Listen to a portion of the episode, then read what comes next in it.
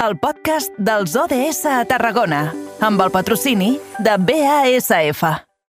The United Nations is an organization with goals of peace and sustainable development around the world. Their mission is huge, but we're breaking it down in two minutes. 17 sustainable Són les 6 de la tarda i 6 minuts, hora perfecta, hora en què s'alineen els astres perquè ens aturem als estudis de BXC Ràdio. Allí tenim, com sempre, puntualíssim el nostre company Jonai González. Jonai, bona tarda, bon dimarts.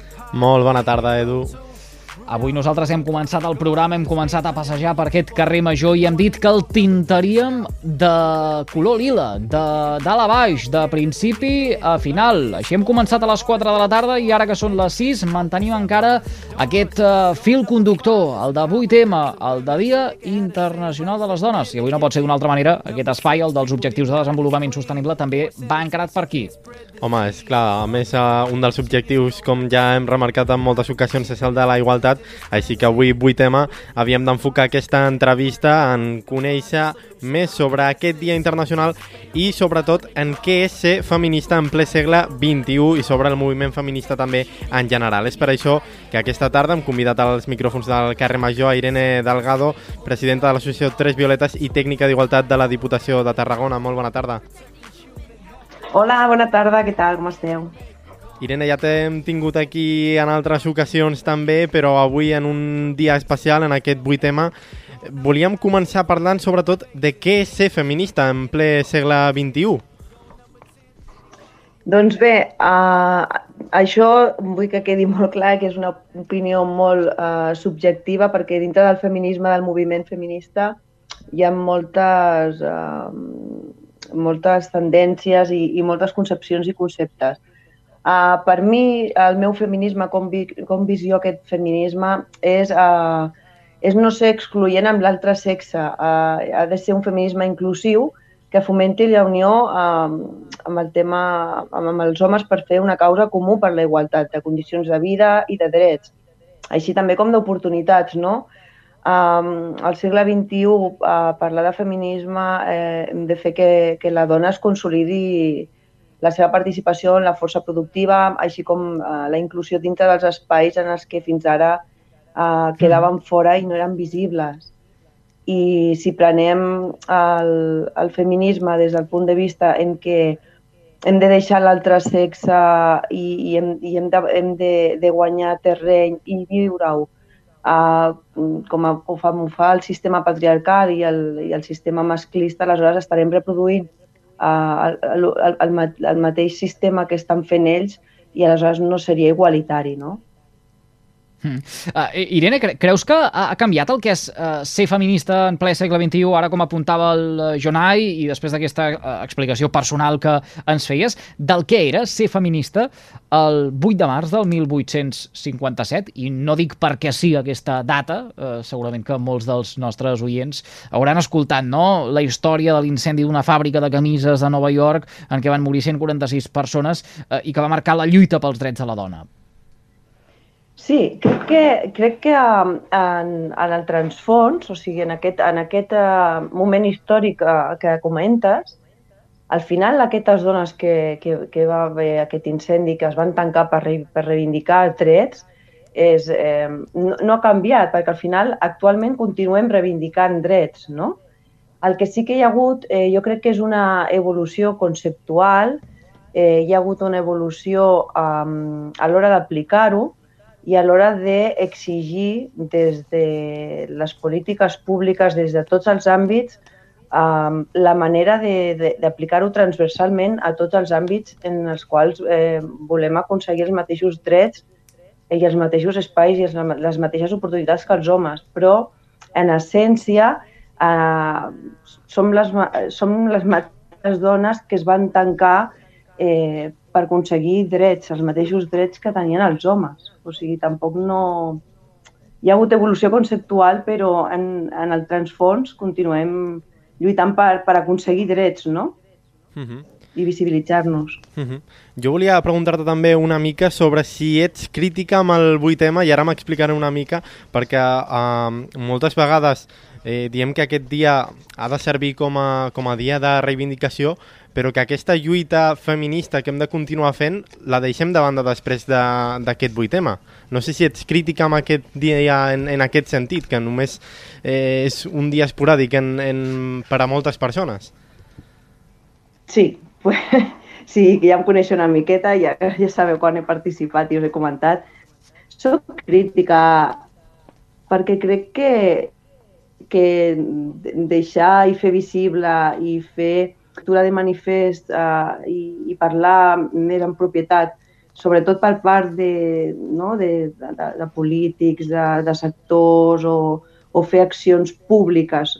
Uh, només el 8M, un dia en concret, considero que no, que no és suficient i, i crec que els dies de la, de la reivindicació eh, ha de ser tots els dies de l'any. Uh -huh. És el moviment feminista ara mateix el, la principal revolució mundial en aquests moments? El principal camí que ens hem de fixar?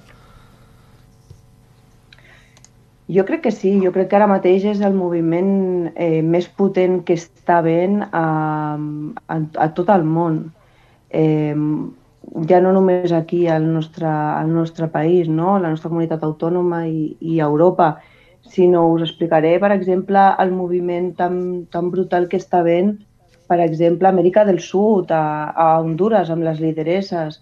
Aquí nosaltres ho, ho, ho estem visquent uh, de forma pacífica i, i sense conseqüències greus. Allà, per exemple, a Honduras, no sé si uh, persones que ens es puguin estar escoltant, o vosaltres mateixos, el, el, el moviment de les lidereses indígenes, a Berta Cáceres, eh, la van matar el 2016 i fins a l'any passat no van, no van jutjar a ningú pel seu, per, per, per haver-la matat. Allà estan liderant grups uh, en contra de, de les hidroelèctriques que està instal·lant el govern i els estan matant, matant els fills, els estan deixant davant de casa com a amenaça i després les maten amb elles, però per cada cop que maten amb una pugen 10 a liderar els moviments. Eh, està sent brutal la influència que estem tenint a Europa des d'Amèrica del Sud i, i estan sent uns referents i estan pujant molt fort. I és més, pugen al poder i saben que, que, que per liderar aquests, aquest, aquests moviments indígenes saben que moriran elles i les seves famílies. Jo crec que, que en ple segle XXI eh, aquests moviments eh, bueno, són molt potents i que crec que és el principal actualment a, arreu del món. Eh? Uh -huh. L'altre dia parlàvem també de, de les agressions en qüestió de LGTBI-fòbia, per exemple, eh, que fins a un de cada cinc agressions que es produïen eh, eren en edats de, de, de nens i nenes menors d'edat. No sé si en matèria feminista eh, hem millorat més en aquest sentit. No, no, no, per, per desgràcia, les incidències, mira, segons l'Observatori contra l'Homofòbia, eh, les dades, a tapar-ho del 2020, perquè del 2021 encara no estan tancades, eh, les incidències han augmentat un 30,6%.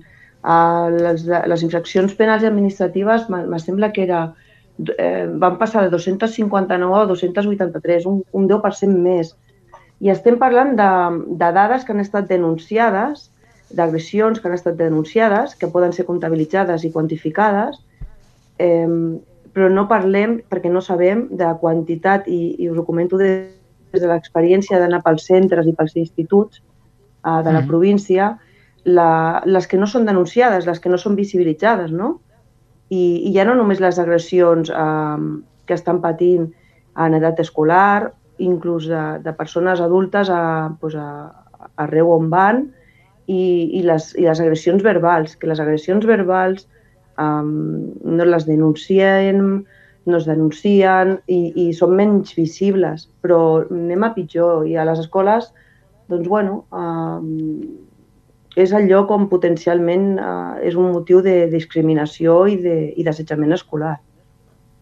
I, Irene, i tot això com es treballa? És a dir, ara aquí eh, m'acabes de eh, posar de manifest el paper de les escoles, entenc però que eh, a les famílies també s'han de fer moltíssim els eh, deures i segons quines informacions ens arriben a través dels eh, múltiples canals de comunicació que tots tenim a l'abast, sobretot ara a través de, de les xarxes socials o dels eh, telèfons mòbils intel·ligents, segons quins discursos eh, el de l'extrema dreta, el de Vox, ho diré així eh, clar i català, eh, no ajuden gaire per no dir eh, gens. Nosaltres avui hem començat el programa entrevistant a la directora dels Serveis Territorials d'Igualtat i Feminismes de la Generalitat a Tarragona i posava de manifest totes les polítiques i tot el que s'està treballant precisament en aquestes edats primerenques, amb aquestes noves generacions que apuntava que, puja, eh, que, que pugen o que creixen eh, diferent, però pel que ens estàs explicant, o almenys per la teva experiència en les visites visites que fas als centres, veig que, veig que potser no anem per tan bon camí com creiem avui a l'inici del programa.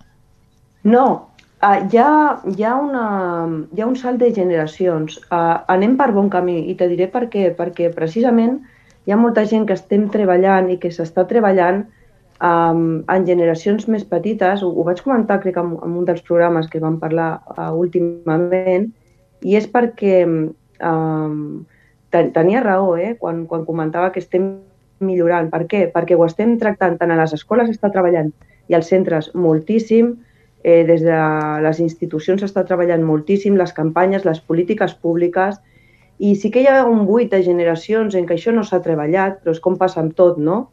Anem evolucionant, anem implementant, anem treballant i sempre hi ha, hi ha unes generacions que ens quedaran buides, és com la, la, la breja digital que ens passa amb, el, amb la gent gran, no?